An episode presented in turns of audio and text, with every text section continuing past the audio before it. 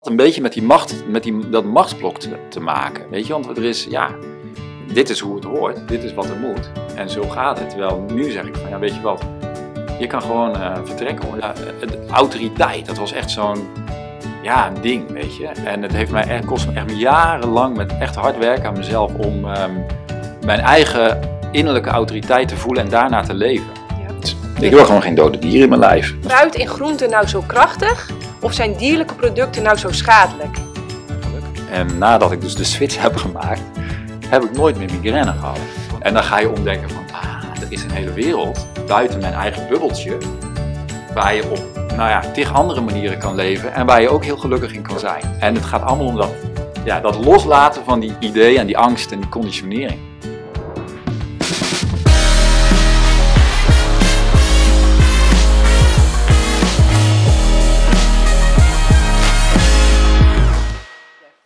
Vandaag worden we wakker met David Pieters.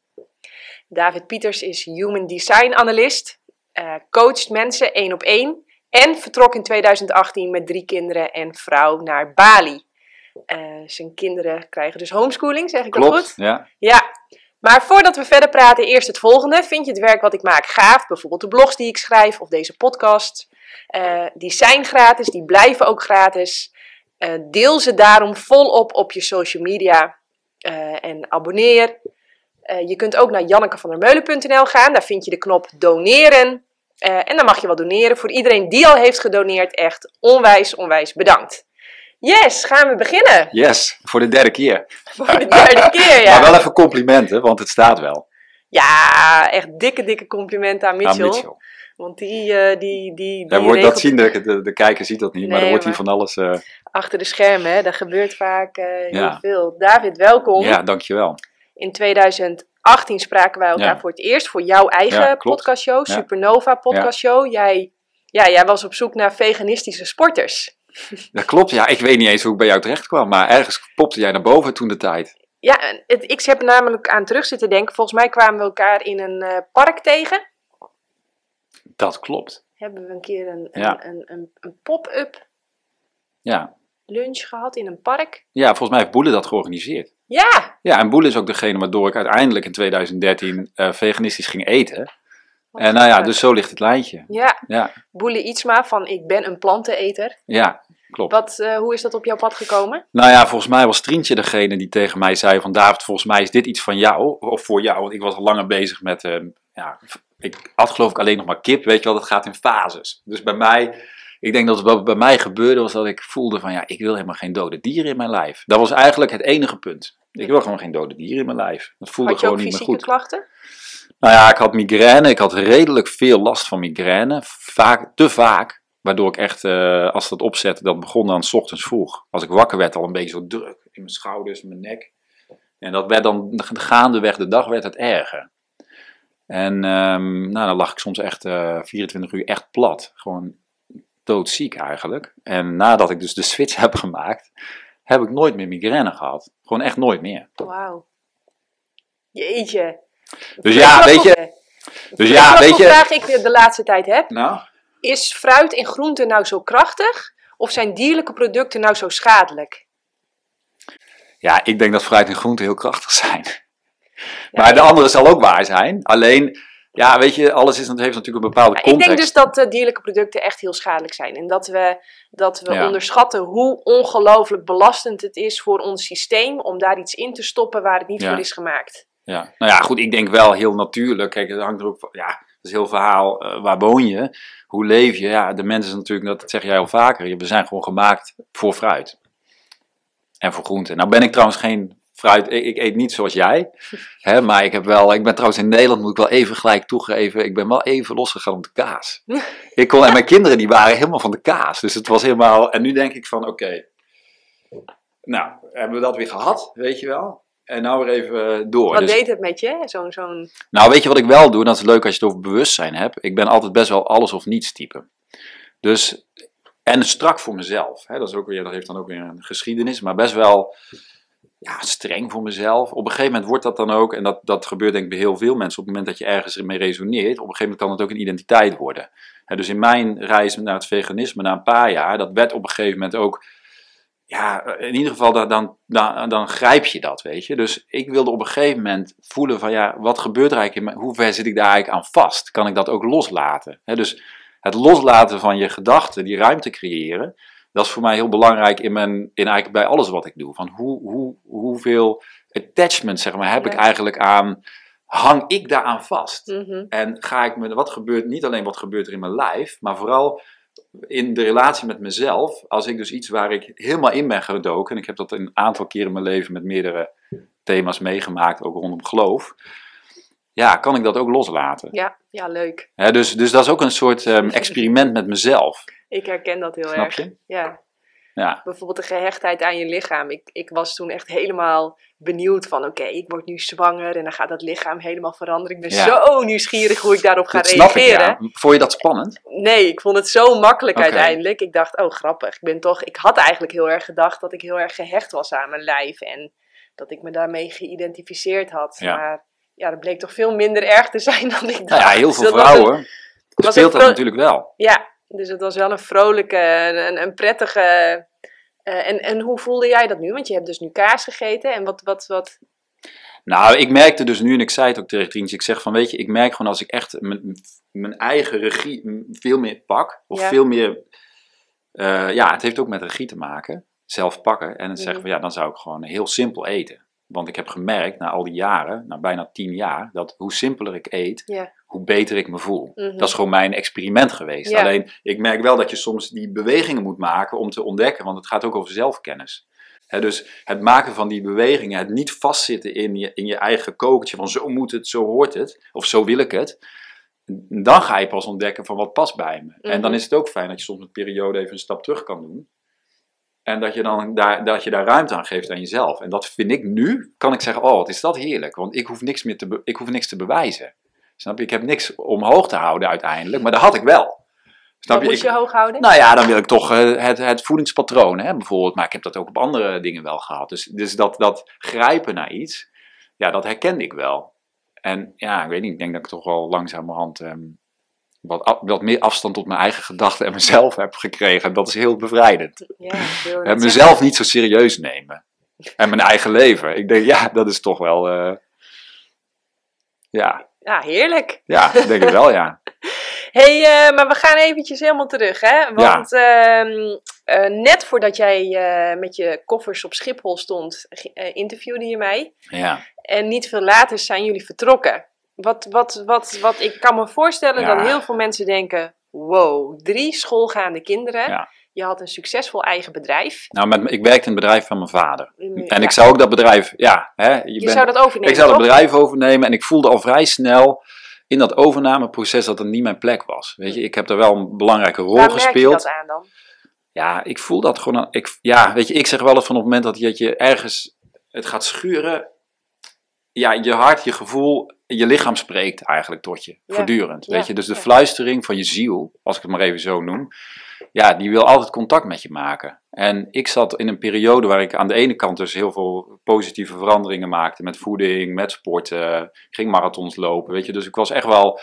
Maar er waren ook, ja, zeker als het ging op werkvlak en op op, en dat raakte ook ons gezinsleven, wat, de- wat die ideeën die wij hadden over hoe wij wilden leven als gezin met elkaar en wat we voor onze kinderen wilden. Ja, ik weet niet, ik, ik begon een beetje de hoop te verliezen op, ehm, in, mijn, in mezelf en in het leven van, hé, hey, waarom ben ik hier nou eigenlijk? Dus ik ging mee, en dat was ook mijn keus geweest om in het bedrijf te gaan. En we hadden daar mooie klanten. En nou ja, goed, allerlei transities doorgemaakt in dat bedrijf. En op een gegeven moment voelde ik steeds meer van, ja, maar nu begint het echt te knagen. Het voelt nu als een gevangenis. En het is niet van mij, het is niet echt mijn leven. Ik weet dat ik op een gegeven moment in een, eh, zo'n boardroom zat. Met van die mannen, in, weet je, die dan met elkaar. En ik moest dan iets van de marketing doen of zo. Maar, maar ik voelde gewoon van, ik ben hier de verkeerde man op de verkeerde plek. En dat heb ik echt een aantal keren gevoeld. En toen dacht ik, ja David, ja, nu is het dus aan jou, wat ga je daar dan mee doen? En dat was spannend, want ik dacht, ja, dat betekent dus dat ik een knoop moet doorhakken. Ik dacht, ja, dan ga ik mijn vader teleurstellen. Hè? Dus dan heb je me alweer, wat vindt mijn familie of een ander? Ehm, durf ik het wel? Kan ik het wel? Ehm, ja, wat ga ik dan doen? Weet je, dus daar kwam natuurlijk, eh, daar kwam, werd ik gelijk eigenlijk al geconfronteerd met de eerste angsten. Mhm. Dus ik denk wel eens van, ja, je hart volgen of je zin gaan doen. Ja, dat is mooi, eh, maar het is ook confronterend. En ik werd wel vrij snel op een gegeven moment geconfronteerd met... ehm, nou ja, ga maar even het gesprek weer aan. Ja, pa, ik, ga, ja, ik heb al ja gezegd, maar ik, ik ben hier niet gelukkig in. Weet je, bijvoorbeeld, ja, dat was een heel belangrijk keerpunt. En ik voelde, ik voelde zelf van, oké, dat was een van de eerste stappen die ik moest zetten. En daarna Mhm. ging eigenlijk de rest zich ontvouwen. Mhm. Dus nu ben, nu ben ik wel patronen gaan zien bij mezelf en ook bij anderen. Van ja, zo werkt het dus eigenlijk. Je moet luisteren naar, je, naar wat jouw lichaam je aangeeft. Wat je ziel jou vertelt. Nou, dat moet niet, maar dat, Nou, moet niet. het is, het is Ja, als je ermee gaat we samen... moeten niks. Laten we dat even vooropstellen. Wij hoeven niks, nee. Nee, maar inderdaad, dan kom je wel voor die keuze van, eh, Ja. hou ik de gouden handboeitjes om? Of eh, ga ik toch naar dat gefluister Het is heel luisteren? spannend. Ik voel wel dat het echt. Ik heb achteraf pas een keer een ba. Ik weet niet waar het was. Ja. Ik heb achteraf een keer een moment gehad waarin ik denk een jaar later of zo dat ik dat soort van herbeleefde. En toen pas voelde hoe spannend het was. Want ik denk dat ik in dat hele proces van voorbereiding, want we hebben een jaar voorbereiding genomen voordat we Mhm. vertrokken. Ja, dan ga je ook in een do-modus. Hè? Wij gingen ook allerlei dingen op een gegeven moment natuurlijk regelen. En, en, Ja. en nou ja, goed, er, er komt heel veel op je af. En nou, de kinderen, het hele schoolverhaal. Weet je, er zijn allerlei. Ja, ik heb ook wel eh, eh, eh, nou, slapeloze nachten niet, maar ik had wel allerlei dingen, gingen wel malen van: oké, hoe, hoe gaan we dit doen? En, ehm, maar ja, dan kreeg ik weer dromen bijvoorbeeld. En die dromen waren dan zo richtinggevend dat ik voelde van: ja, ga door op dit pad. Hm. Weet je, dus ja, waar vertrouw je op? Uiteindelijk is het een- de, de vraag is denk ik van waar vertrouw je op? Hè? En ja, vertrouw ik op wat ik kan zien, het zichtbare, of vertrouw ik op iets wat onzichtbaar is en dat zit in jezelf? Ja, dat toen? is. Dat, nou ja, toen. waar, waar, waar, waar zullen we verder gaan? Ik weet nog dat we in. ehm, nou, Was je gezin direct enthousiast? Trientje? ja, dan kinderen? Trientje en ik hebben dat altijd gehad. Kijk, we hebben, al, we Oh. hebben al met z'n tweeën, eh, eh, voordat we kinderen hebben we in Oostenrijk gewoond, een tijdje. We hebben, zij heeft in Amerika gewoond. Ik heb, we, hebben, we hebben wel, wel, in onze geschiedenis hebben wij wel wat met buitenland. Hè, dus dat is voor ons helemaal niet nieuw. Nee. We hadden ook wel mensen in onze omgeving al langer die, die wij kenden, die homeschooling deden of alternatieve manieren van leven en reizen. Dus dat was ook niet nieuw voor ons. Alleen, ja, op een gegeven moment, ja, ons eerste kind, nou, dan ben je nog heel vrij, weet je wel. Nou, je kunt nog van alles doen. Nou, op een gegeven moment moet een kind naar school. En dan houdt, zeg maar, die, die relatieve vrijheid, die, die wordt ingeperkt. En dat is niet erg, weet je. Dus ik ben helemaal niet tegen ehm, structuur of zo. Of tegen, hè, het, het leven is wat het is. Nou ja, vrijheid bestaat binnen kaders. Ja, binnen kaders. Dus Ja, helemaal prima. is het echt een gevangenis. Ja, dus ook helemaal prima. Maar wij voelden wel op een gegeven moment dat we het verlangen hadden van ja, we hebben een bepaald verlangen. En ja, eh, we hadden daar geen ruimte voor. We waren er ook niet aan toe hè, eerder. Dus ik voelde, achteraf zie ik van oké, we hebben elf jaar met onze kinderen op een vaste plek gewoond. We hebben daar gewoon ons leven gehad. En op een gegeven moment was het tijdrijp. Weet je, dus het is, ook, Mhm. niet, het is ook niet te forceren, zoiets. Dus ik voelde wel, als ik daar naar terugkijk, denk oh ja, op een gegeven moment maak je gewoon allerlei fases en processen mee. En blijkbaar is dan de tijd rijp. Ja. Weet je, dat is ook niet te forceren. Ehm, maar ja, dus dan ga je gewoon langzaam stap voor stap eh, de stappen zetten. Ik weet nog dat wij in, eh, het was december, op een gegeven moment een wensballon oplieten. En toen zeiden we, ik denk dat het oud en nieuw was, toen zeiden we, nou, in september halen we de kinderen uit school. En dan gaan we. En het is gebeurd. We hebben het ook, we hebben het, ja, dus ik geloof ook wel tegelijkertijd dat je dingen creëert. We zijn ook natuurlijk, ja, mensen die allerlei dingen in gang kunnen zetten. Ja, we zijn gigantische creaties. Maar ik zie dat dus nu, nu meer van, we zetten het in gang van binnen naar buiten. Mhm. Je kan niet zeggen van nou, ik ga alles aan mijn buitenwereld willen eh, controleren en veranderen en dan, dan gebeurt het. Het is een ja, wisselwerking natuurlijk tussen wat er bij je van binnen leeft en de buitenwereld. Kijk, dat, dat vegan eten, ja, dat was ook iets wat ik voelde. Ik wilde geen, dier, geen dode dieren meer eten. Nou, en toen kwam het op mijn pad. Snap je? Dus Ja. op het moment dat je dus van binnen iets voelt, ja, dan wordt het ook in je film gepresenteerd. Ik noem het Mhm. wel als je film. Dus het leven is een soort van onze film.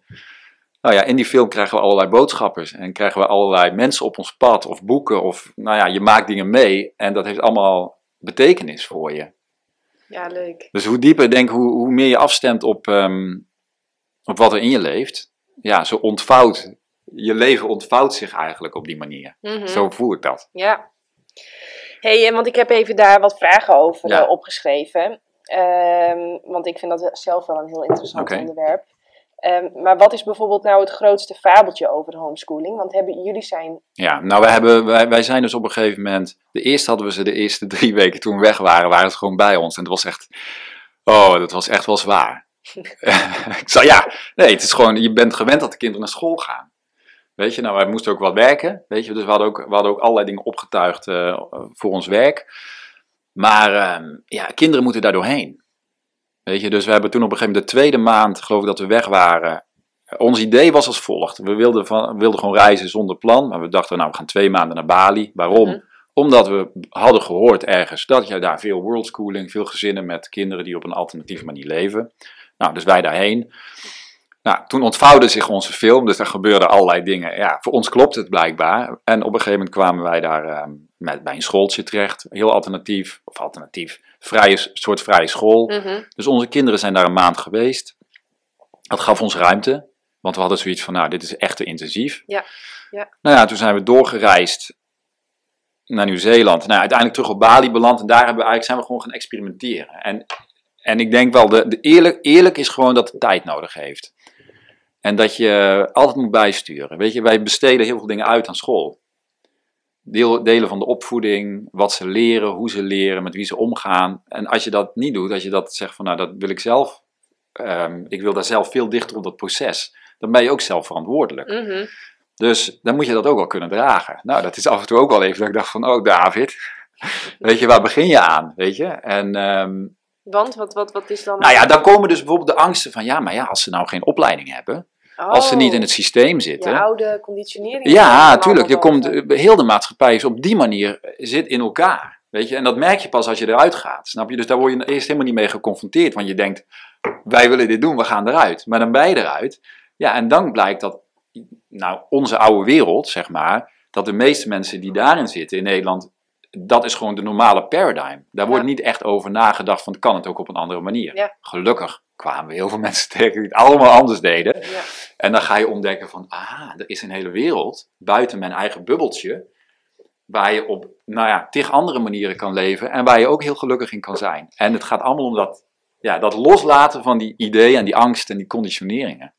Dus dat is eigenlijk het grootste fabeltje. Dus we denken dan, oké, je haalt ze uit school, nou dan, dan is er maar één weg en dat is richting de goot. Terwijl er zijn dus ook, nou ja, dat, Ja, dat is dus niet zo. Nou, kijk, weet je, kijk, op het moment dat je gaat reizen, dan verandert sowieso je hele wereld. Hè? Dus zeker als je naar plekken gaat waar eh, grote internationale community is, nou, die zijn er een, een x aantal op Mhm. deze planeet waar mensen elkaar opzoeken. Mhm. Ja, dan kom je natuurlijk, en dat is ook natuurlijk het avontuur in de film.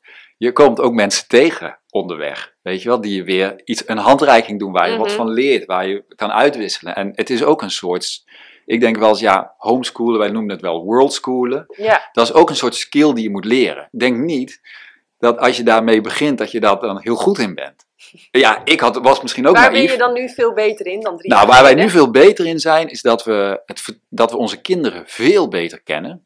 Mede dankzij Human Design. Maar wij, wij ja, de, het vertrouwen in de kinderen, en ik denk ook in onszelf, dat is gegroeid. Weet je, het komt echt wel goed met die kinderen. Mhm. Maar ik denk ook, Wat is En dat wil ik wanneer ook- komt het goed dan? Wanneer Nou, is het goed? als je gewoon het kind het kind laat zijn.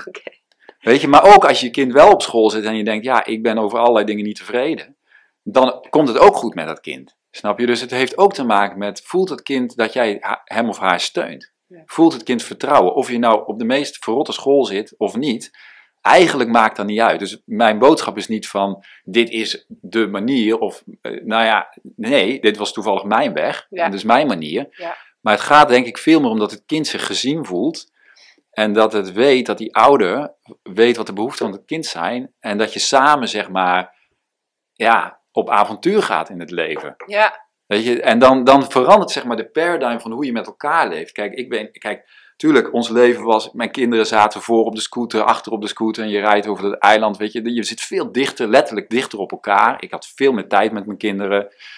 Ja, dus je leert elkaar op een veel, ja, ja, ik weet niet, het is gewoon leuk. Weet je, met kinderen, het is een leuke avontuur, maar dat was niet altijd. Als ik terugdenk, denk ik, oeh, als ik dan weer druk, druk was geweest of ik kwam thuis en stress, ja, dan was ik ook niet altijd de leukste vader. Weet je, dus ik heb ook wel veel aan mezelf op- moeten. toen ze Ja, op ja, school ja, zaten. ja. Of toen je ze Nee, op school. Toen ze op school zaten. Ja, Hè, dus ik ben ook wel gaan zien van, oh, ja, hun leven is leuk als ik ook, als ik ook een leuk leven heb.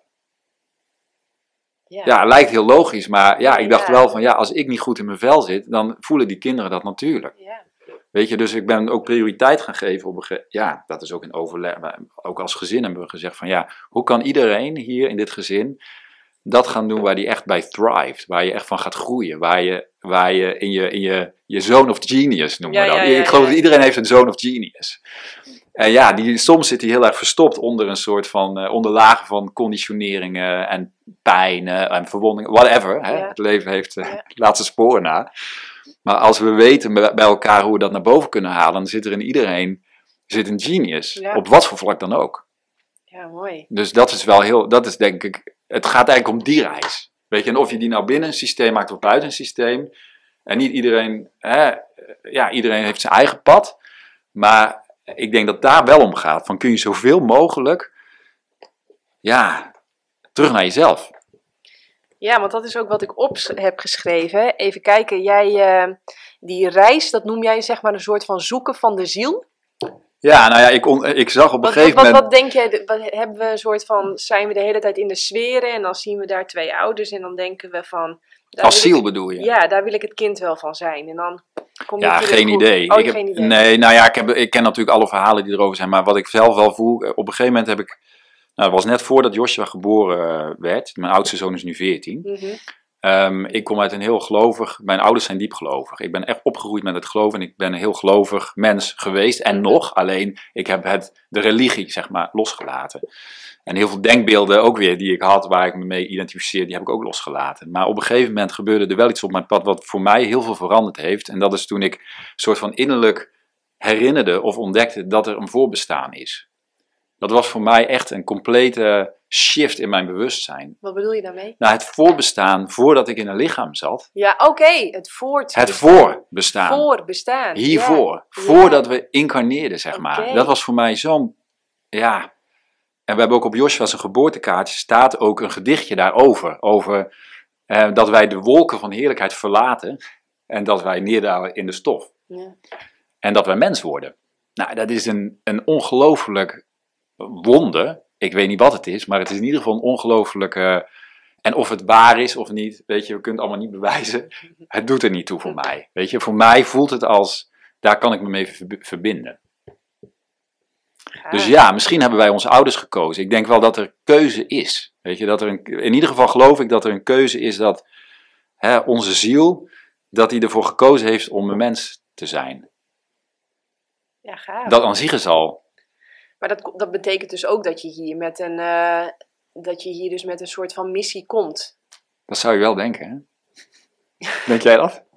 Nou ja, ik, ik zit er nu ook een beetje over te filosoferen. Van, eh, ja, weet je. eh, Want anders is het zo van, nou ja, weet je, ik ga de trein nemen naar Parijs, maar ik weet niet wat ik daar ga doen. Precies. Nee, als je de trein neemt naar Parijs, Ja. dan doe je dat met een reden. Klopt. Want dan ga je daar iets Ja, doen. Dan moet je daar klopt. iets vinden, of iets ontdekken, Ja. of iets opzoeken, of iets bekijken, of iets proeven, of iets kopen. Klopt. Zoiets, toch? Ja, ik denk het wel. Maar Ik goed, geloof het wel. Ja, natuurlijk wel. Onze ziel heeft een bedoeling. Wij willen hier iets. Nou, ik denk een van de meest voor de hand liggende dingen is, we wilden dus mens zijn. Dus in het mens zijn, Wat is mens zijn dan? het mens zijn is gewoon dus alles wat dit leven het leven maakt. Dus al de highs, all the lows, alles ertussenin. Hè, dus dat is het leven. Dus dat wilden wij ervaren. Dat konden we blijkbaar niet op een andere manier ervaren. Dat kun je alleen maar ervaren. Dit Ja. proeven kun je alleen maar proeven in een lichaam. Dat kun je niet in de ET. Je kan niet een, een astrale banaan eten. Weet ik veel. Hè, ik doe maar iets. Dus, Ja, dus, dus ja, het, het, het, het zijn van een mens, hoe, hoe ingewikkeld en ook soms hoe zwaar het ook is. Hè, want het is helemaal niet dat het leven makkelijk altijd is of dat het easy is. Ik denk dat we allemaal dingen meemaken die, die ons wel eens kunnen schudden. Maar het hoort wel bij het leven. En dat hoort ook bij onze zielenreis. Dus ja, ik vermoed, ik denk, ik geloof dat we allemaal een soort rode draad hebben in ons leven. Een pad wat wij te wandelen hebben. En dat ligt eigenlijk veel meer onder de oppervlakte. Dus Hoe de, doe je dat? nou ja, kijk, het is niet van. eh, zo, ik denk niet van, nou ja, mijn, mijn missie op aarde is niet om hier iets te bereiken of zo. Dat gaat veel meer over wat ik te leren heb als ziel. Wat, wat mijn lessen zijn, wat mijn, ja, ehm, wat mijn ervaringen zijn. Mijn ervaring is waarom ik hier ben. Nou ja, iedereen heeft zijn eigen ervaringen. Heb je het idee dat, dat helemaal plantaardig eten en veel fruit eten daar dan bij helpt? Ik, ik zal even vanuit Ja. mezelf. Ik heb het idee dat hoe schoner je eet Ja, en hoe meer je eh, ja, ja, schoon voedsel eet met een Ja. hoge trilling, eh, hoe makkelijker het is om echt te voelen: oké, wat is van mij, wat is van de ander, wie ben ik, wat wil ik, wat voel ik. Dat dat. ja. ja, ik denk dat wel, ja. Kijk, ik denk dat het allemaal subtiel is. Hè? Energie werkt altijd op subtiele lagen, maar bijvoorbeeld heel lichamelijk. Ik voelde gelijk, ik had gewoon geen migraine meer. Het duurde voor mij ongeveer een jaar met, met plantaardig eten, en echt heel schoon plantaardig eten, voordat ik het gevoel had dat mijn darmen weer goed werkten. Ja, ik dacht, nou, dat is in een paar maanden klaar, maar ik had toch een jaar nodig. Snap je? Dus ik denk wel van, kijk, als je dus in een leven lang. Ik, ik zie dus voeding meer als een soort van. ehm, tastbaar. Het geldt natuurlijk op alle vlakken. Het geldt ook met ehm, wat we tot ons nemen, wat we luisteren, wat we Ja, kijken. ja, Weet ja. je, het, eh, het is. je niet alleen met wat je in je mond stopt. Nee, we voeden ons hele dagen met van alles. Weet je, dus. met dus gesprekken, met wat je leest, met wat je kijkt, met, met wie je bent, wat je doet. de mensen met wie je omgaat, bijvoorbeeld ook heel belangrijk. Hè? En, ehm, maar ik denk wel dat voeding een heel grote aandrijver is, zeg maar, voor een soort van ehm, bewustwordingsproces. En, en, en, bij de ene begint het, eh, ja, bij mij was het, ik wil geen, eh, geen dieren meer eten. Nou ja, het begint gewoon met die En- vraag van, wow, wat stop ik eigenlijk in mijn mond? En op een gegeven Ja. moment ga je kijken, wow, wat lees ik Klopt. eigenlijk? Wow, wat luister Ja. ik eigenlijk? Oh, wat draag ik eigenlijk? Oh, met wie omring ik me eigenlijk? Oh, Ja. wat doe ik eigenlijk de hele dag? Je gaat op een gegeven moment vragen stellen. En dan even terug te komen op dat schoolsysteem. Ehm tuurlijk, ik hoor wat je zegt. Dat is niet alleen maar slecht, een schoolsysteem. Nee, dat ben ik met je eens. Alleen, het is wel een package deal. En, Ja, klopt. en net als met, met, met vlees eten, dat is ook een package deal. En het klopt, er Ja. zit ijzer in vlees, maar je krijgt het wel binnen met allemaal rotzooi. En Interessant, ja. Ja, ik denk dat je gelijk hebt. En school, ja, inderdaad, dat is ook een Ja. manier om dingen te leren. Maar je krijgt het wel in een bepaalde package, krijg je tot je. Nou ja, kijk, je ziet natuurlijk met wat er met kinderen gebeurt als het gaat om eh, groepsgedrag, eh, pesten of... Weet je, en ik, ik, ben een weegschaal, weet je. Ik zie altijd Oh, twee kanten ja. van dingen. Dus ik zie altijd die kant, maar dan zie ik ook altijd de andere kant. Dus Mhm. ik ben niet... Ik ben all in, maar ik ben niet zwart-wit. Maar ik zie wel dat er natuurlijk heel veel invloeden zijn die je niet per se positief zijn voor je kind. Weet je, dus natuurlijk wil je, denk ik, als je... Ja, ergens wil je de regie dicht bij jezelf houden over je leven. Maar de regie dan ook weer in, in, een, in een mate van, ik zie er ook weer een overgave in. Het is ook Ja. een overgave aan het leven. Ja, dus ja, want tuurlijk. anders kom je op een arrogante plek en zeg je eigenlijk, ik weet het beter dan het leven. Ja, of dan zeg je, kijk eens wat ik voor, voor elkaar heb gekregen in mijn leven. Nou, zal ik jou vertellen hoe het moet? Weet je, dat kan natuurlijk helemaal niet. We zijn allemaal hier. Nee, maar ik wil even terug naar het punt van ze zitten op een school Ja, en ja, je besluit toch ze daaruit te halen. ja klopt. Dat doe je, dat doe doe je niet zomaar. Nee, oké. Nee. dus wat gebeurde er bij ons bijvoorbeeld? Wij zagen onze oudste zoon met name. We zagen altijd dat hij in de zomervakantie heel veel tijd nodig had. Voordat hij dus op een stoeltje ging zitten. En dan ging hij gewoon op een stoel zitten. En dan zat hij gewoon met zijn been zo, nou ja, een beetje dit te doen. Maar dat duurde vijf weken. De laatste week van de zomervakantie. Dacht, oh, daar, en toen zeiden mijn vrouw en ik elkaar, oh, daar heb je hem. Nou komt hij weer tevoorschijn. Weet je wel? Dus, en dat was er na een paar weken. In september verdween dat weer een beetje naar de achtergrond. En ehm, mijn dochter... Dus je zag eigenlijk dat hij zich, dat hij echt weken nodig had om Ja. weer zichzelf te zijn? Ja. Klopt, ja. En mijn dochter, je jongste dochter, kwam altijd met een sticker thuis op haar voorhoofd. Dat was echt zo eh, de teacher's pet, zeggen we dan. Die deed heel goed op school. Maar die moest thuis enorm ontladen. Dus die kon boos zijn. Nou, wij waren ook echt dit. Dus mijn dochter is een geweldige spiegel voor mij. Daar leer ik heel veel van. We lijken ook wel op elkaar. Eh, maar ik zag wel dat de druk dus heel hoog was om te presteren. En ze is ook prestatiegericht, wat prima is. Alleen op het moment dat je er zo Hè, ehm, en mede aan de hand van Human Design konden we ook op een gegeven moment wel gaan pinpointen waar het precies lag in haar persoonlijkheid, haar karakter en, en hoe haar energie werkt. Van ah, zie je, zij heeft iets heel anders nodig. Nu zit ze op turnen, ze sport nog steeds heel veel, maar dat gaat op haar. Weet je, voor de rest kan zij heel tekenen, thuis op haar kamer, veel tijd alleen. Dat doet haar goed. Weet je, dus ik denk wel dat dat geldt ook voor, voor mezelf. Weet je, soms moet ik me gewoon helemaal terugtrekken. Ik moet gewoon alleen zijn om me even te ontdoen van al die drukte. Als je in een klas zit met 30 kinderen hele dagen, ja, dat heeft natuurlijk wel invloed. Ja. En dan zijn er mensen die zeggen, ja, maar ja, dat is toch het leven, weet je. Ja, dat snap ik, maar als jij, wij kunnen toch ook gewoon kiezen hoe wij leven. Wij mogen ook zeggen van, nou, ik heb, ben liever veel alleen. Of ehm, ik, eh, ja. En wij leren, als we het hebben over leren, hè, dan Ja, denk ja. ik ook wel van hoe leren we eigenlijk? Ik ben hele dagen nog dingen aan het leren.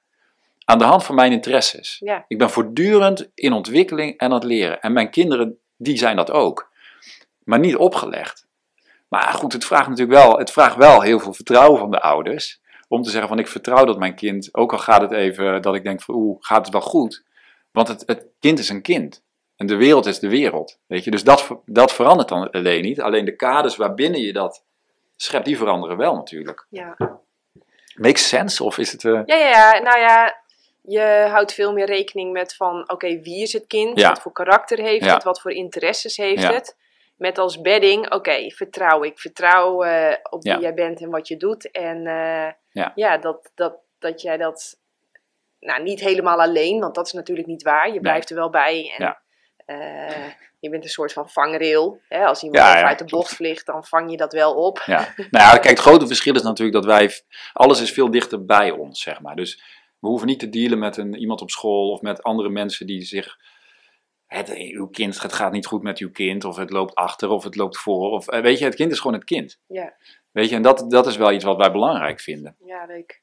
Mijn jongste dochter, om dan nog even het verhaal compleet Ja, te maken, ja. nou, die, die, die is echt opgegroeid een beetje ja, als junglemeisje, helemaal verwilderd, altijd blote voeten. Ja, want het vorige verhaal was over je middelste kind. Ja, precies. Nou, nu de, de jongste, die, die hebben- we hadden ook zoiets van, ja, we willen wel dat onze kinderen Engels leren. Nou, ze kon geen woord Engels. Nou, inmiddels spreekt ze vloeiend Engels, want ze had allemaal Australische vriendjes en zo, en vriendinnetjes. En, eh, en terug naar Nederland, ja, moest ze weer Nederlands leren.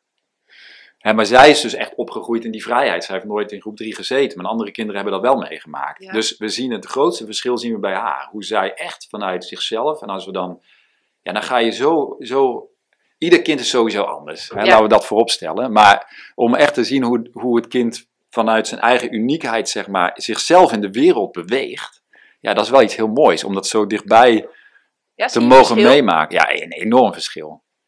Ja, wij, ik denk dat er is Maar geen zij mens heeft hetzelfde. jullie daarom ook uitgekozen, want zij, zij tenminste, Ik denk het wel, ja. ja, zij, eh, zij heeft ook uitgekozen van ik moet bij die ouders zijn, want Ik dan hoef ik ook nooit naar school, want dat is niks om. Nee, wil ze ook niet. Maar ze wil wel leren, want wij doen dus, we volgen dan nu, hebben we een, een, een Amerikaanse Engelstalige methode, waar ze ochtends twee uur, nu doen ze op dit moment, hè, dus het Ja. kan best weer veranderen, tussen Ja. 10 en 12 doen ze schoolwerk. En eh, zij heeft dan, eh, doet dan twee, twee specifieke lessen per dag en op een gegeven moment had ze er vier gedaan. Uit zichzelf. Ik denk, nou, oké.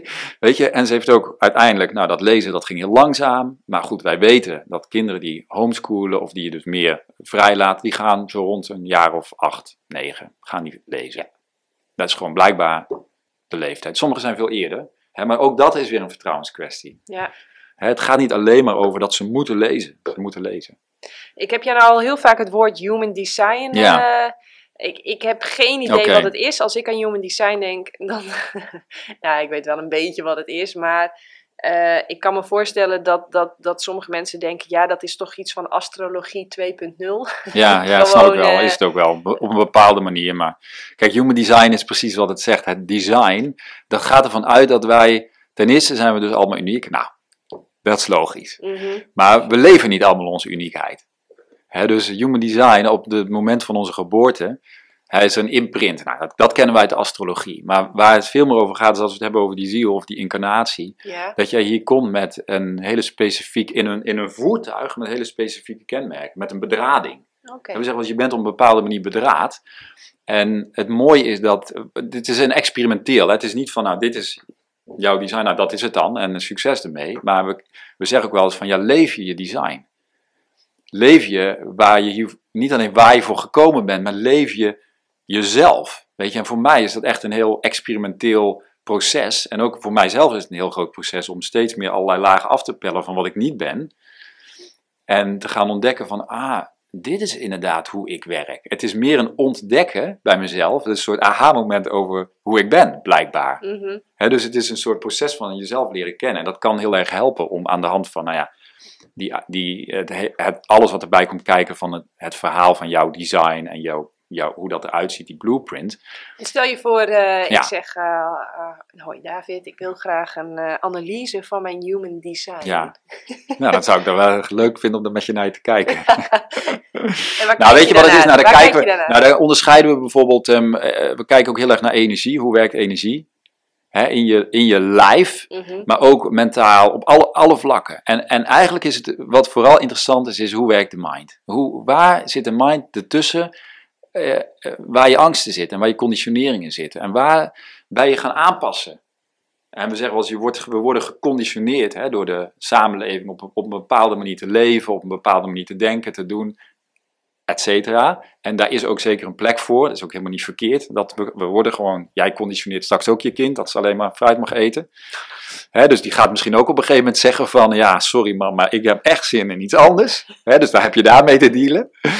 Dus dus het- het- de, de, waar het in human design over gaat, is dat het kind zichzelf mag zijn van jonge leeftijd. En dat wij als ouders niet te veel en als maatschappij eh, onze, ja, onze, onze ideeën over hoe het moet zijn op dat kind leggen.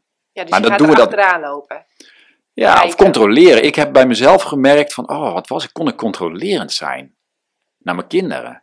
Hoe het moest. Hè? Dus, ehm, en ik heb dat ook met, met voeding gehad, weet je, dat ik echt wel, want zo, eh, ze moesten die groene smoothie opdrinken, weet je wel. Maar ja, nu zie ik van, ja, het gaat niet om dat je die groene smoothie door het strot van het kind eh, duwt, omdat het gezond is voor hun. Want ja, nu, nu ben ik op een gegeven moment, ja, op een gegeven moment komt die shift van, oh, ik vind het belangrijker dat mijn relatie goed is met de kinderen, dan dat zij iets doen omdat ik het wil. Dus dan kies ik altijd voor de relatie. Dus ja, dat Maar kan. even eh, terug naar Human Design. ja. Want ik kom bij jou. eh, Ja. Waarom zou ik überhaupt bij jou komen? Nou, ik denk, dat je, ik, denk dat het, ik denk dat je op zoek bent, dan moet je ten eerste al ergens op zoek zijn naar van, hé, hey, er is iets meer. Er is iets en ik ben op zoek naar, ik wil mezelf beter leren kennen, ik wil Oh, weten waarom ik hier ben, ik wil inzicht in mezelf hebben. Dat is een belangrijk gegeven. Ja. En dan gaan we steeds dieper kijken naar, ja, wat, wat leeft er dan in jou? Wat herken je bij jezelf? Waar zijn de dingen waar je je eigenlijk nog tegenhoudt? Waar je nog eh, misschien wel je klein houdt? Eh, en een groot onderdeel is inderdaad eh, loskomen van eh, conditioneringen. Dat is een lang proces voor ons allemaal. En daar coach je dan vervolgens mensen. Nou, kijk, ik gebruik het als tool. Kijk, ik gebruik het echt als tool. Ik ben hier niet om human design te promoten van, oh, dit is, het is een geweldig, voor mij is het echt een, een, een ongeëvenaarde manier om op allerlei gedetailleerde manieren mezelf te leren kennen. Het is een levend experiment met jezelf, hoe jij in het leven beweegt, eh, je hele leven. Het, het is geweldig leuk, zeg maar. Het is leuk speelgoed. Mhm. Hè?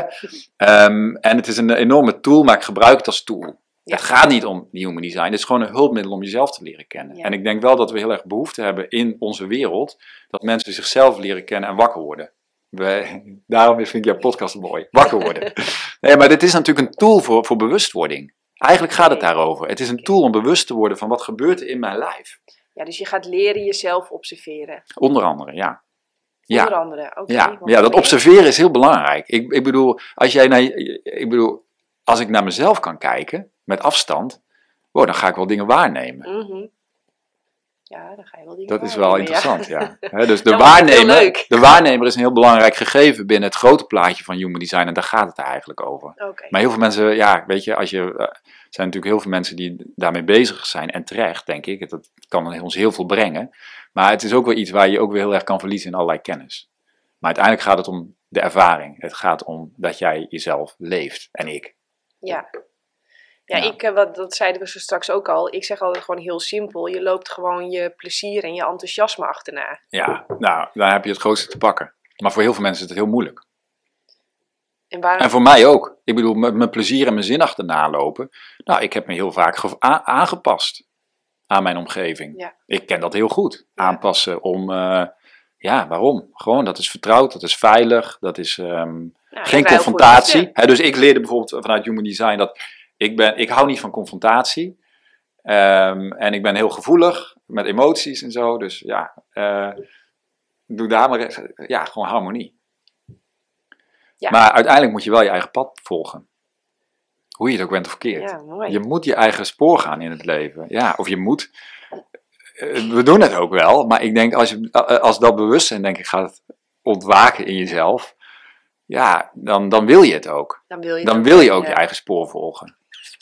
Toch? Ja, nee, ja, ik, eh, ja. Nee, maar het is gewoon gaaf dat jullie mensen daarmee helpen. Ik bedoel, ik doe dat ook. Dus nou ja, dus met, met, op een gegeven moment, wij doen dus zo intensief in ons gezin, met onze kinderen, met elkaar, ehm, dat proces aangaan van onszelf leren kennen. Ja, het is een heel mooi iets. En toen, mijn, mijn vrouw is degene die die cursus Human Design voor ouders en kinderen heeft opgestart. En we doen dat dan samen. Maar, maar het is wel een enorme mooie tool, zeg maar, ehm, en aandrijven om ja, gewoon eh, op die ontdekkingstocht te gaan met jezelf. En dat kan op heel veel manieren. Hè? Ik bedoel, nou we dat Ja, ook zeker. even... hey, en eh www.davidpieters.com. Kom. Oké, dat, dat kunnen ze jou daar. ja, daar kunnen ze mij eh, vinden. Ja. Leuk, ik heb even nog een laatste vraag. Eh, nee, helemaal niet, Nee. want je gaat ook een boek schrijven. Ja, nou daar ben ik mee bezig. Maar ik, ik heb altijd een beetje zo'n slag om de arm dat ik denk dan van... oh, nee, ben nee, ik zo- want nu weet ben ik zo'n je- schrijver die zo nooit een boek, die nooit een boek publiceert. Maar ja, ik ben we wel, het nu gezegd. ik ben in Nederland, nou ik ben onder andere naar Nederland gekomen en ik voelde van, ik, ik, ik, ik wil, dat, ik wil dat, dat boek schrijven. Dat boek, dat gaat ook, nou, dat gaat ook over bewustwording en dat gaat ook over ontwaken, maar aan de hand van mijn eigen verhaal. Hè. Dus mijn, ik heb me lange tijd een beetje eh, verscholen misschien onder mijn, ehm, mijn, mijn christelijke roots, mijn, mijn opvoeding die echt wel heel into de Heer was. En dat was ook, ehm, en ik ben een heel gelovig, eh, opgegroeid en opgevoed als een heel gelovige jongen. En ehm, dat heeft me heel veel in mijn leven betekend en dat heeft een bepaalde lijn uitgezet. En op een gegeven moment ja, moest ik ook mijn eigen weg gaan. Dus ik moest ook mij ontworstelen uit allerlei systemen in, in, in het geloofsdenken. En tegelijkertijd kwam ik daar mezelf tegen. Ik kwam daar, nou, ik kwam daar heel veel in tegen, maar het is ook een hele mooie zoektocht. Ja, naar, het God, naar God. Naar God hè, wat, wat voor woord je er ook aan wil geven, daar zit ik niet aan vast. Ik heb Ehm, net eh, het boek eh, Een ongewoon gesprek met God. Oh ja, Neil Donald eh, Walsh. Ja, ik vond hem leuk. Maar dat is ook leuk voor kinderen, toch? Of is Nou, er een kindervariant van? Dat zou Ja. kunnen. Maar ik vond hem. eh, ik vond ook de laatste hoofdstukken. En nu ga ik bijna dat boek helemaal promoten. Maar daar, zegt hij op een gegeven moment. eh, is hij ook echt zo stellig over het eten van vlees. En Oh, ja. junkfood. En het drinken van alcohol. Dat ik echt dacht. Wow, ik loop dat altijd te verkondigen vanuit de wetenschap. Maar ik, ik vond het zo opvallend. Dat eh, Ja. hij is echt heel fel op tegen. Nou ja, Zegt hij dan. ik, ik denk dat inderdaad eh, bewustzijn en God, ja, dat dat vanzelf eh, met een bepaalde, ja, ik weet niet. Je- je- eh, het gaat over meer liefde, denk ik. Als je het gewoon even heel, heel simpel wil maken, denk je, ja, waar gaat het over? Ja, het gaat over liefde uiteindelijk. ja, dus nou met oordelen. Ja, dus liefde, eh, kan ik liefde toelaten in mijn leven? Kan ik dat leven? Hoe, naar een ander, naar mezelf? En hoe ziet dat er dan uit? Nou ja, dan, dan kom je vanzelf op bepaalde principes. En dan ga je Ja. daarnaar leven. Wauw, ja, zeg je mooi. Het- is niet heel ingewikkeld. Maar, nee, maar het is niet heel ingewikkeld. Alleen we hebben dus, eh, eh, eh, er zijn ook heel weinig mensen die over liefde praten. En ik heb daar ook een soort schroom bij, want dat komt omdat we allemaal chronisch tekortschieten aan het geven van liefde en aan het ontvangen. Dus we zijn allemaal een soort van kinderen die, die gewoon heel hongerig en dorstig zijn naar liefde. Nou, ik vind het, je, Ja. je bouwt een prachtige boek, eh, brug, want later als ik groot ben wil ik graag een boek schrijven, juist over de liefde. Echt waar? Wat goed. Nou ja, omdat iedereen, iedereen doet eraan, iedereen Ja. wil het. Ehm, Ja, Instinctief, begin, ja, ja, we, alleen niemand weet eigenlijk hoe het moet. Dus we willen Klopt. allemaal iets waarvan we eigenlijk helemaal geen Klopt. idee hebben hoe dat moet. ja. Dus ehm, ja, iedere, iedereen die hier in de show komt, die vraag ik ook van wat moet er volgens jou in? Wat moet er in dat boek? Wat over heb jij liefde. Ja, over liefde, over relaties, over ja, de liefde tot jezelf, tot de ander. Wat, wat, wat was voor jou een belangrijk... Ja, ik weet Nou, dat ik je heel erg uur- mee overval. Hier, hier kunnen we nog een uur over door, maar het is wel mooi eigenlijk. Kijk, li- liefde. Nou ja, ik denk dat we allemaal een intuïtief, instinctief weten wat liefde is. Dat, want het is een herinnering. Oké. Dus, dus ergens hebben wij natuurlijk een herinnering aan, dat, aan die andere wereld, als het Ja, ware. ja, waar alleen maar liefde is. En deze hele wereld, als je gewoon kijkt naar dieren en naar bloemen en gewoon hoe de natuur is, ja, dat is gewoon zo bijzonder. En, en, kan- ja. dus ik weet niet, ergens is liefde voor mij, ja, dat zit in ons allemaal. We hebben er chronisch tekort aan. Ehm, en we moeten, we moeten het maar uitvinden. Ik weet niet. Ehm, ja, ja, daarom ga ik dus dat boek ja. schrijven. je overvalt me er inderdaad mee. Ja. Maar het is, het is wel een heel mooi onderwerp. Nou ja, ik, eh, het lijkt mij eh sowieso... Maar waar, waarom wil je dit? Of wat, waar, Nou, omdat wat ik is de gewoon trigger een hiervan? gat zie. Ik zie gewoon iedereen wil het, iedereen doet eraan en we hebben geen idee. We maken ruzie, we Klopt. maken elkaar verwijten. eh, Klopt. en, en terwijl als je Ja. daarmee kunt stoppen, eh, ja, dat, dat scheelt echt een hele hoop De vraag is natuurlijk, hoe stoppen we daarmee?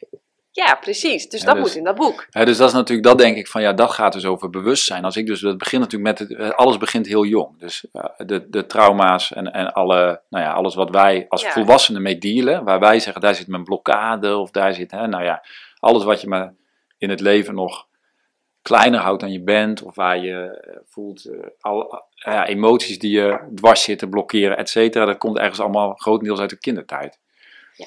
Dus, dus ik denk wel dat het begint met hoe wij nou ja, met onszelf omgaan. En vervolgens hoe we met kinderen en met onze kinderen omgaan.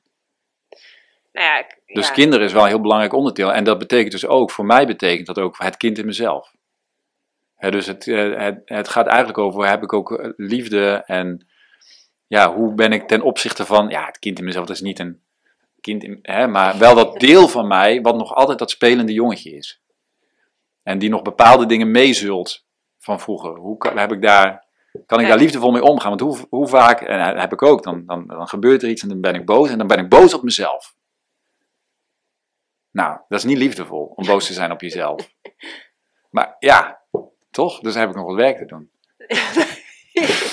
ja, want eh, ik denk dat je vanuit zelfliefde. eh, dat het leuker is om de vervolgstappen te nemen dan vanuit zelfhaat. Om Denk het het maar even eh, daar tegenover te zetten. En Maar zelfhaat is ook wel, dat ontdekte ik ook, oh dat gaat heel ver. Want dat, daarmee creëren wij allerlei situaties in ons leven die we niet willen. Ook energetisch, hè, onbewust. Ja, ja, allerlei dingen die, we, die, die dan niet lukken. Ja. En, en dat heeft vaak toch wel weer een wortel met ehm, ergens dat we onszelf niet helemaal accepteren zoals we zijn. Ja. Dus die zelfkennis, hè, dan mhm. maak ik dat bruggetje weer. Die heeft ook te maken met ehm, ja, eh, jezelf accepteren. ja, nee, ja. daar Ja, heb ik denk ik. op, eh, ja. Dus ik, nou weet, ja. ik vind het wel interessant. Ja. Wat, wat wil je daar nog meer over? Wat heb je nog meer over de liefde dan waarvan je voelt van ja, daar, waar stuurt dat onderwerp jou heen? Heb je het dan meer over relaties? Of, Ja, ook. Het begint natuurlijk met de relatie met jezelf en Ja. vervolgens de relatie met je omgeving. ja, En je omgeving, dat is letterlijk van eh, de partner die je hebt, de kinderen, je buurman, je buurvrouw, je ouders, je broers, je zussen, eh, je collega's, dat. ja. En ehm, ik heb het boek nog niet geschreven, ik ben informatie aan het verzamelen. Maar eh, je Grappig. zegt. eh, je zegt nou ja, het- een van de dingen waar je natuurlijk mee begint is inderdaad, wij zijn als diersoort super lang afhankelijk van de verbinding met onze ouders. ja. Volgens mij tot zeven jaar heb Ja. je echt wel ouders nodig, want anders ben je best wel snel. Wij zijn totaal niet zelfredzaam. Nee, Nee. en dat weten we intuïtief. Dus we, maken, we hebben allemaal aanpassingsmechanismen. Allemaal in die ruil voor liefde. En wat eten, wat drinken en een bedje. Ja, we zijn super afhankelijk. we zijn super afhankelijk, ja, maar daarmee ehm, ontwikkelen we allemaal eh, harnassen en Ja. schilden en, en, en eh, gedragingen om ons, om maar, om maar Die dat liefde. bordje te krijgen, dat bedje en die knuffel. Klopt. Ja, en dan gaan we vaak tot op hele hoge leeftijd. Blijven we maar in ruil voor die verbinding met die ander, blijven we ons maar aanpassen Ja. en gedrag vertonen, waar we, terwijl we al lang voor onszelf kunnen zorgen, eh, misschien helemaal niks meer aan hebben. Nou ja, als je daarvan bewust bent, dat je denkt van, oh grappig, het is dus één normaal, ik hoef niet boos op te worden op Ja. mezelf. Die, dat zijn allemaal overlevingsmechanismen, die hebben me gediend. Ja. Alleen nu, op een gegeven moment, als je daar dus dan bewust van bent, hebben we dat woord weer. Ja, dan kun je ernaar gaan kijken van, ja, wil ik me nu nog steeds zo gedragen? Dient me dat nog steeds? Of geef ik mezelf toestemming om eens te experimenteren met nieuw gedrag? Ja. Ehm, ja, precies. Dat gaat ook over het gedrag. Ja, ik denk inderdaad dat er een heel diepe, denk ik, een diepe verandering moet plaatsvinden, wil, waardoor gedrag een gevolg is daarvan. Hè? Dus ja, dat is een van de buitenste lagen. Ja, dus het gedrag, dat is iets wat voortvloeit uit, alles wat wij doen vloeit voort uit wie we zijn. Zo voelt dat. Ja, je kan alleen maar ja, jezelf reproduceren als het ware in het leven. Ja. Dus ja, dat, Ja, zo je binnenwereld, zo Ja. je buitenwereld. ja. Ja. Hey, ehm, dat even over jouw boek en over mijn boek. ja boek leuk dat mij- we, boeken, met, dat we daarmee bezig zijn. Maar het zijn natuurlijk de, de, de boeken die we schrijven, of die we schrijven als mensen, die, die gaan natuurlijk over onszelf. Weet je? Het zijn mijn thema's. Ja. En het mooie is ook dat... Alleen je- we lijken heel erg op elkaar in thema's. Ja, dus daarom kunnen we precies. zoveel van Dus- elkaars boeken leren. Ja, de- Ja. dus waar je, waar, je, waar, ik zeg ook wel eens tegen iemand van ja, als jij ergens, eh, ja, waar heb je iets te geven? Ja, waar jij dingen meemaakt. Ja, mooi. Waar je zelf dingen meemaakt, dat is waar je ook te geven hebt aan de wereld. Ja, ja, Het, ligt niet heel ver weg. Maar er zitten natuurlijk wel, kijk als het gaat over liefde, of ehm, voor mij is dan het thema geloof bijvoorbeeld, dat ligt heel dicht bij je emoties, bij jezelf. Dus daar zit ook nog wel wat schroom om te overwinnen soms. Weet je wel, ga maar, kom maar even naar buiten met je. De eiwitleugen, dat is nog out there, hè? dat is nog een beetje. Maar op het moment dat het dichter bij jezelf komt, wat als meer emoties raakt misschien, ja, dan is het ja, spannender misschien om daarmee naar buiten te komen. Ja, omdat we geconditioneerd Ja. worden dat, Ja. ja. ja, weet je, wij in Nederland zijn we toch een beetje van eh, niet lullen, maar poetsen, hup, schouders eronder, doorbeuken. en gewoon eh, brood op de plank en al vooral niet te gek doen. Ja. En eh, Niet te ja, lang is- stilstaan bij wat je voelt of wat je meemaakt. nee, door dat eh, het Ja. verleden, dat is geweest. Terwijl je eigenlijk, denk ik dan van ja, eigenlijk gaat het daarover. Wat speelt er nou in de onderstroom? Wat gaat er nou? En dat is ook, dat is denk ik bij mij een van de grootste veranderingen geweest, dat ik daarna ging luisteren. Naar Ik die heb- onderstroom, hè? Ja, want dat heb ik nog opgeschreven. Ja. Heb jij zeg maar een beetje een missie voor de Nederlandse man? Volgens mij ja. heb je hem nu net gezegd, dat die man dus contact mag maken met die onderstroom. Is dat wat je... Ja, denk ik wel. Ik denk wel dat we, eh, Maakt je wij als een beetje man... een bomenknuffelaar en een softie? Of, eh, Nou, weet ik niet. Kijk, wij, ik denk dat je hebt aan de ene kant een soort van de mannenbeweging waar we allemaal veel meer man, mannelijker moeten zijn. Als soort van, eh, nou, en, en dan is er natuurlijk de beweging waarin we veel zachter moeten zijn. We moeten niks. Maar ik denk dat het alles te maken heeft met gewoon jezelf zijn. En ieder mens is een emotioneel wezen en we hebben alles in ons. Alle, alle, nou ja, alles wat de mens dus is. ja, dus als je heel eh, op eenzijdige manier leeft, je bent alleen maar aan het werk bijvoorbeeld, of alleen maar, nou, ik weet niet, dan is, dat, dan, dan is er ook nog een andere kant van jezelf. En wil je die ontwikkelen? Is gewoon een, ik zie dat meer als een uitnodiging. Wat wil je ontwikkelen in jezelf? En ik, ik stel mezelf ook al de vraag van, ja, wat voor vader wil ik zijn? Wat laat ik achter? Wat is mijn legacy straks? maar, voor mijn eh, kinderen. Weet je, dat is niet, voor, niet zozeer, maar dat is mijn kinderen zijn degene die bij, als ik straks in die kist lig, ik hoop dat ik oud word, maar dat zij toch zeggen van, ehm, dit was mijn vader voor mij. Ja. Denk je dus echt bewust na over wat wil ik ze meegeven? Wat wil ik ze leren? Jawel, want ik ben dus, als je het hebt over bijvoorbeeld eh, homeschooling, Ja. eigenlijk is alles, ik probeer alles wat, wat, wat gebeurt, ja, daar ben ik dan wel een beetje, dat weten ze ook wel, er zit altijd wel ergens een les in. Weet je wel, ik, zit altijd wel, ik weet altijd wel weer een deurtje te vinden om nog even iets eh, ze bij te brengen. Dat gaat vaak wel over. Tegen mijn jongste dochter bijvoorbeeld zeg ik, ehm, zij is echt wel een fiery typeje.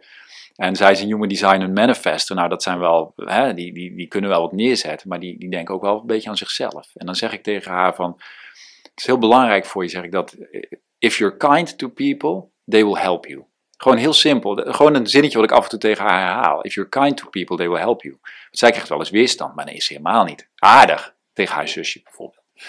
Weet je, dus gewoon simpel. eh, soms zijn het hele eenvoudige dingen. En ja, nou ja, ik denk dat er in alles, ja, ik probeer dat wel mee te geven aan mijn kinderen. Leuk, mooi. Maar bijvoorbeeld nog een leuk dingetje over eh, voeding bijvoorbeeld. Ja. Eh, mijn zoon, ja, we zijn natuurlijk in Azië geweest. Nou, Azië is natuurlijk een noedel, noedel, noedel eh, gebeuren. En hij houdt ervan om dan YouTube te kijken met koks, koks en zo. En in Azië hebben we natuurlijk dat, dat witte poeder wat ze MSG noemen. Dat is een smaakversterker. Dat zit ook in Nederland in bewerkte voeding. En hij maakt daar grapjes over. En ehm, op een gegeven moment zeg ik van, nou laten we daar eens even induiken dan samen. Hoe zit dat dan? Nou, dan gaan we gewoon, ik ga hem niet vertellen wat goed is of slecht is. Hij zei, ja, volgens mij is het helemaal niet, niks ongezonds aan dat MSG. Want dat is gewoon, kijk maar, dat hebben ze onderzocht. Er is gewoon eh, niks mis mee. Ik zei, nou laten we eens even doorlezen dan, want ik ben ook nieuwsgierig. Ik had het ook nooit onderzocht. Nee, Ik weet wel, E6 en 21, dat moet je vermijden. Ik had, wij hadden zo'n rood boekje Ja. met alle E-nummers en dan lezen. Die moeten we niet hebben, weet je wel. Dus dan ga je door de supermarkt, op een gegeven moment ga je dan al die etiketten lezen. Daar begint het mee. Zo, hè? En, ehm, maar op een gegeven moment gaandeweg kwamen we erachter dat het inderdaad een chemisch, eh, een food drug is. Het is een smaakversterker, het is een drug en die heeft bijwerkingen. Ja, en toen kwam wat hij... heeft hij voor bijwerkingen? Ja, joh, het, het, de bij- bijwerking, Verslavend? vers- uiteraard is het verslavend, want wat doet het? Het versterkt de smaak van het eten. Dus, het, dus ehm, het is een chemische, eigenlijk is het een chemische namaak. Ik, Jesse van der Velde heeft een fantastisch artikel geschreven over MSG op zijn website. Gewoon even googlen. Echt een goed artikel. En daarin, daarin eh, beschrijft hij, of iemand op zijn website in ieder geval, van waar het vandaan komt. Ja, het is een chemisch eh, middel, maar de oorsprong ligt eigenlijk in eh, van umami. Het is eigenlijk de smaak van umami die we kennen uit zeewier. Maar dat is een proces, dat duurt heel lang. Voordat je dat moet je fermenteren, heel fermentatieproces. En ehm, ja, we willen alles snel hebben in deze wereld. En ik denk dat de voedingsindustrie ook wel belangen heeft om ehm, mensen hun smaak een beetje te boosten. Dan ga je er wat meer van kopen en dan ga je er wat meer van eten. Weet je, dus, dus, dus in het leuke is dat in die gesprekken, zeg maar, ja, dat, dan ontdekt hij vanzelf wel of hij iets wil kopen waar dat in zit of ja, niet. Ja, Dat is zijn keus. Maar we gaan wel samen gewoon uit nieuwsgierigheid op onderzoek. ja, leuk. Dat is een beetje de manier waarop ik dat dan aanpak. Ja. Eh, staan er nog meer eh, vragen op jouw briefje? Nou ja, ehm, ik had best wel wat vragen aan jou, maar nu ben ik ze, ons, nu ben ik ze gewoon eh, even kwijt. Ehm, Nou, maakt niet uit, want ik heb nog wel een vraag aan jou. Want Ja. jij bent op Bali geweest. Dat lijkt me echt een fruitparadijs. ja, klopt, ja. Kun je kort Nou, ik, moet wel eerlijk toegeven, Janneke, toen ik Eddie 1010 las van eh, die, die McDougall, Ja. die trouwens een hele vreemde vent vind, maar dat terzijde. Ehm dat boek is wel goed. En toen, daardoor ben ik wel echt een grote liefde voor fruit ge- gekregen. Dus ik had al jaren het gevoel van ik wil naar de tropen en ik wil wel, ja, het is, ik denk voor iedere fruiteter is het wel een soort van Ja, eh walhalla. Mhm. Nou heeft Bali ehm, inderdaad eh, goed fruit, vooral papaya's. Ik, ik vond het heerlijk om gewoon papaya als ontbijt te eten. Ehm, ja, mango's, bananen, groene bananen. Het duurde mij een tijdje voordat ik erachter kwam eh, dat de groene bananen de rijpe bananen waren. Ehm, en dat die lekkerder waren. Ja, ik weet niet, het zijn groene bananen. En die zijn heel lekker. Oh, deze die vind je er niet veel. Die worden geïmporteerd. Ja, dit is Cavendish heet het. Ja, die mij. kun je daar wel kopen, maar die komen dus niet uit Bali. Nee, klopt.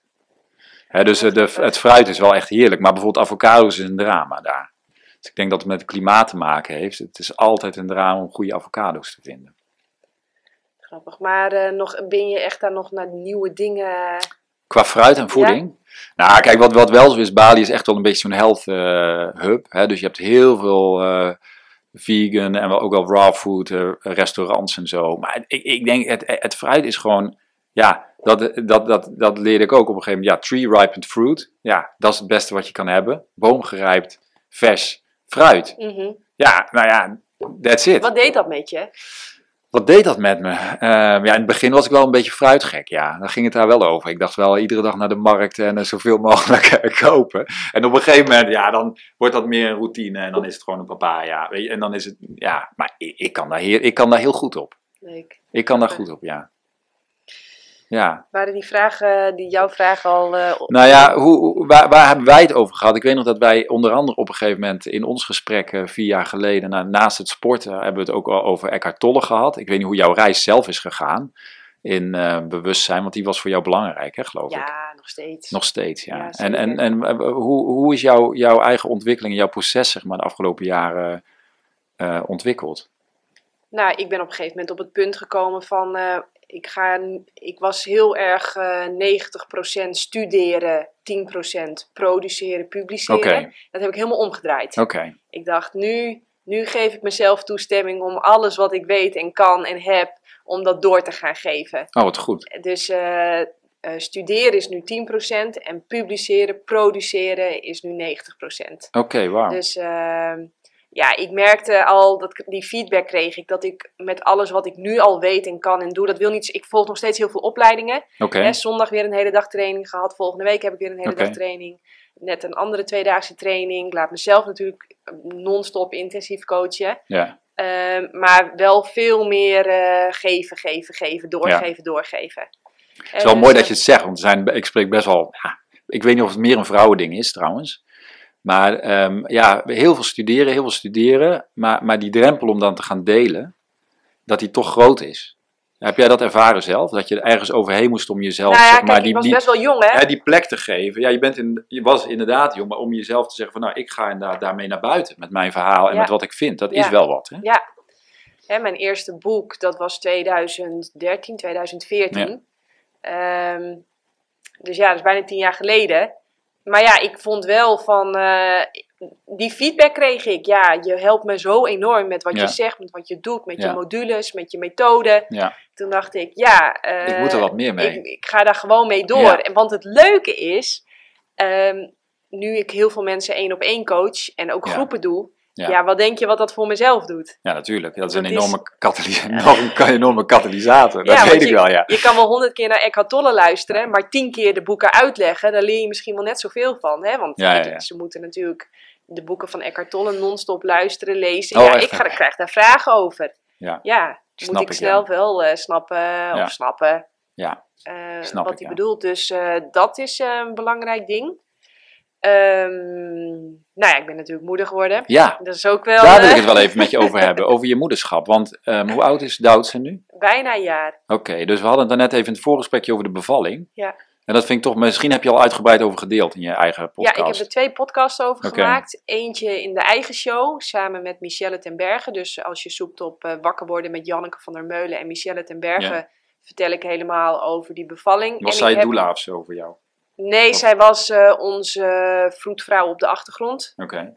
En ehm, ik heb samen eh, met in de podcast eh, Moeder worden met Nikki en Kitty.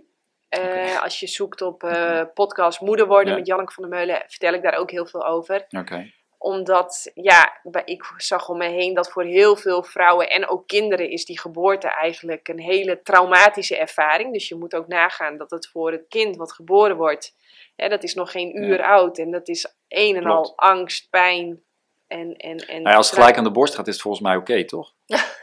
Nou, dat is mooi. Toch, Eh, meestal? Eh, ja, tuurlijk is dat dan heel fijn. Dat is inderdaad een stress relief. Maar eh, hoe leuk is het als dat helemaal gewoon een hele ja, mooie Ja, ja, ja, ervaring is. Vanuit liefde in plaats van uit angst. Ja. Ehm, dus ja, dat is Ja, angst is denk ik, wij hebben dus, die, onze drie kinderen zijn dus allemaal in het ziekenhuis geboren. En er was allemaal, ja, Joshua en de keizersnee, maar het hele idee van een geboorte, hoe wij dat gemedicaliseerd hebben. Maar vooral ook de impact, want wij zien bij onze oudste zoon, die dus tien dagen in zo'n couveuse heeft gelegen, omdat hij een infectie had. Waar, waar wij dus, op dat moment hadden wij niet de ballen om te zeggen, weet je wat, wij gaan het kind gewoon mee naar huis nemen. En achteraf hebben wij daar wel, hadden we gezegd, dat hadden we anders gedaan. Ja, dus maar dat is achteraf. Op dat Tuurlijk. moment doe je natuurlijk met je doet wat je kan en dat is Ja. ook helemaal oké. Dus nou ja. Joshua die heeft zelf ook wel weer wat uit te werken. Hè, dus hij, nou ja, goed, dat, dat is allemaal, natuurlijk is het allemaal over, alles is overkomelijk. Ja. En met liefde kunnen we heel veel dingen goed maken. Alleen, het viel ons wel telkens op de macht van het systeem en van de autoriteit, zeg maar, hoe wij tegen autoriteit aankijken. Het is eigenlijk niet normaal. Nou ja, ik, ik heb heel erg sterk, ik ben mijn eigen autoriteit. Ja, Dus ik bepaal en ik ben dus en ook daar heb je de, ook, ja, ik eh, ben de decision maker. Dus eh, ja. Ja. En, en, en zo heb ik ook die hele be- hè, Ja. die zwangerschap en die bevalling, Ja. zo heb ik daar ook eh ingestaan. ingestaan. En dat, ja, dat Nou ja, ik vind het geweldig als mensen dat van jonge leeftijd, jonge leeftijd al he- hebben. Ik bedoel, ik heb altijd, en dat heeft een beetje met die geloofsopvoeding te maken, heb altijd een heel groot ontzag, bijna autoriteit. Dat was echt zo'n, ja, een ding, weet je. En het heeft mij echt, kost me echt jarenlang met echt hard werken aan mezelf om ehm, mijn eigen innerlijke autoriteit te voelen en daarna te leven. Ja. Dat is niet zomaar, ja, hoe jonger je er dus mee begint, hoe beter het is.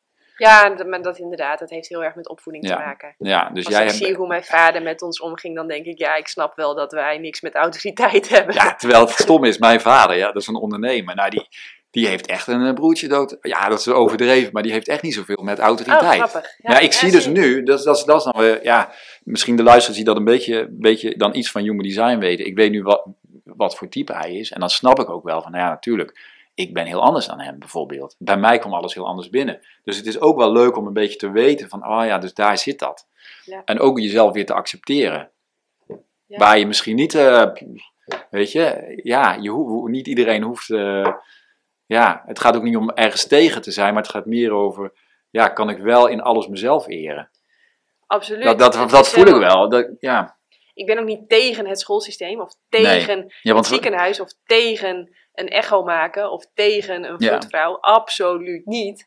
Ik weet alleen dat het voor mij beter is Ja. en, eh, en om me te kunnen ontspannen en mezelf te kunnen zijn, om Ja. dat even anders aan te pakken. Maar je moet het soms wel bevechten, dat heb ik wel gezien. Bijvoorbeeld het, het idee dat wij onze kinderen uit school eh, haalden. Ik weet nog dat ik er echt zenuwachtig voor was om dat met die directeur van die school te gaan bespreken. En, en dat was, had een beetje met, die macht, met die, dat machtsblok te, te maken. Weet je, want er is, ja, dit is hoe het hoort, dit is wat er moet. En zo gaat het. Terwijl nu zeg ik van, ja, weet je wat, je kan gewoon eh, vertrekken hoor. Er is niemand die je tegenhoudt. Tuurlijk moet je er wel over een paar dingen goed nadenken. Maar het principe dat jij jouw De leven van grootste drempel zit natuurlijk in je eigen mijn leven is dus van mij. Ja. Weet je, dit is het- mijn, mijn, het cadeau van het leven zelf aan mij is dat ik dit leven heb. Ja, Ja. dus ja, niemand anders gaat, het, gaat mijn leven leven en niemand anders ja, ik moet het toch zelf doen. We, we hebben elkaar nodig, hè, dus we zijn altijd inter, interdependent, zoals we dat zo mooi zeggen. Ik vind het een hele mooie afsluiter. Ik vind het echt een hele mooie. eh, Wauw, ja, precies. Ja, mooi. Dus ehm, Ja, hebben we het een beetje, eh, is, het een beetje wat je wilde horen? ik wist niet wat ik wilde horen. Nee, ik weet dus, ook niet waar we eh, heen gingen natuurlijk. Dat hou ik ook wel van. Van nou ja, Ik weet je het zet ook het boel niet. aan en dan... eh, Nee, ik denk, je bent in Nederland, super gaaf. Je doet namelijk dingen die misschien wel heel veel mensen ook zouden willen, maar niet durven. Nou ja, Dus, weet je, ik, we hebben op een gegeven moment, kwam dus in Bali een vent tegen Michel, Nederlander, die ook al jaren, hij zit nu in Australië. En wij hebben op een gegeven moment ook de, de handen ineen gelegd. En we zeggen, nou, als mensen dus eh, zo'n verlangen hebben om dat te doen, nou, die, die kunnen wij wel helpen. Maar echt puur als mensen zelf echt voelen van, Ja, dit gaan we doen. ja neem dan dus contact met je Ja, dan kunnen ze contact met mij opnemen. Ja, gaaf. Ik denk dat zoveel mensen Ja. denken, wauw, maar hoe dan? En, ah. Ja, we zeggen wel eens in, in, in Human Design it's a ride. Enjoy the ride. Weet je, de hoog, de, de, de- een, achtbaan, ja, die gaat omhoog. Maar hij gaat, het is een ride, het leven. En ik denk ook wel, ja, soms moet je een risico nemen. En, ehm, of een risico nemen, zo voelt dat vaak, hè. Maar ja, een sprong nemen om echt Nou jezelf... Ja, dat kan al met eten zijn. Het feit dat voor sommige mensen is het een hele grote stap om hun voeding te veranderen. Was het voor mij ook. Weet je, dat is echt je hele omgeving. Ja, dat, ik ben een paar jaar bezig geweest om dat onder de knie te krijgen. ja, Toch? Ja. ja, daar heb ik veel blogs over geschreven. Ja. Veranderen, waarom dat zo moeilijk is en waar je dan tegenaan loopt. En, En wat zo. is het nummer één? Rondom voeding? Eh, dat, je, dat je onderdeel bent van een netwerk. En dat netwerk dat dout er alles aan om eigenlijk dat netwerk in stand te houden. Dat heeft ook te maken met ons reptiele brein. Dat is ontworpen voor Ja. overleven. En eh, een van de belangrijkste functies is dus dat het de hele tijd scant op is alles nog zoals het was. Ja, En als het dus ineens iets afwijkend ziet Ja. en je hebt met een onbewust persoon te maken, wat 99,99% is, dat, dat is niet erg, Ja. maar die gaat dan automatisch op, hey, jij wijkt af, ja. want je doet iets anders. Hekken sluiten. En dan krijg je vragen, je krijgt opmerkingen, je krijgt misschien wel commentaar. Eh, maar dat doet niet alleen je omgeving, dat doe je eigenlijk ook bij jezelf. Dus dat Nou ja, en, en als je dan even over bewustzijn praat. Kijk, als alles een spiegel is waar wij in kijken. En deze wereld laat ons iets zien over onszelf. Hè, dan, dan is het ook, en dat is natuurlijk ook de reis die je maakt. Hè, want in het begin, ja, het is ook niet leuk om allerlei confronterende gesprekken met mensen over voeding te hebben. Alleen, hoe, hoe je dat doet, dat ligt natuurlijk, ja, ik merkte wel van, ik ben ben ook wel een beetje gefrustreerd geweest. Ja, en dat voelen mensen. Ja. Weet je, dus dan heb je iets te doen aan jezelf. Dus nu zou ik, ja, of, ja, je maakt gewoon die reis. Het is ook oké, nou, wees even lekker gefrustreerd. Maar uiteindelijk kom je daar wel weer uit. En dan ben jij gewoon blij je eigen ding aan het doen. En dan gaan mensen vanzelf dat wel zien aan je.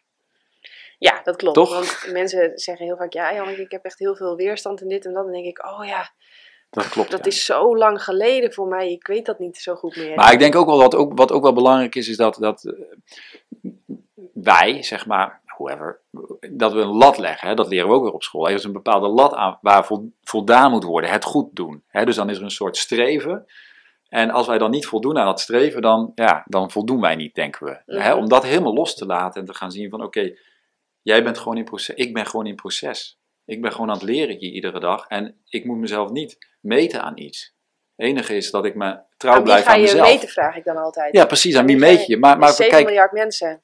Ja, maar ja, kijk, ik kan me ook best voorstellen dat er misschien mensen zijn die heel erg naar jou opkijken of naar mij, of die zeggen ja, wat jij, ja, en die willen zich daar dan, die denken misschien dat dat eh, eh, iets is wat gehaald moet worden. Snap je? En dat is natuurlijk ook niet zo.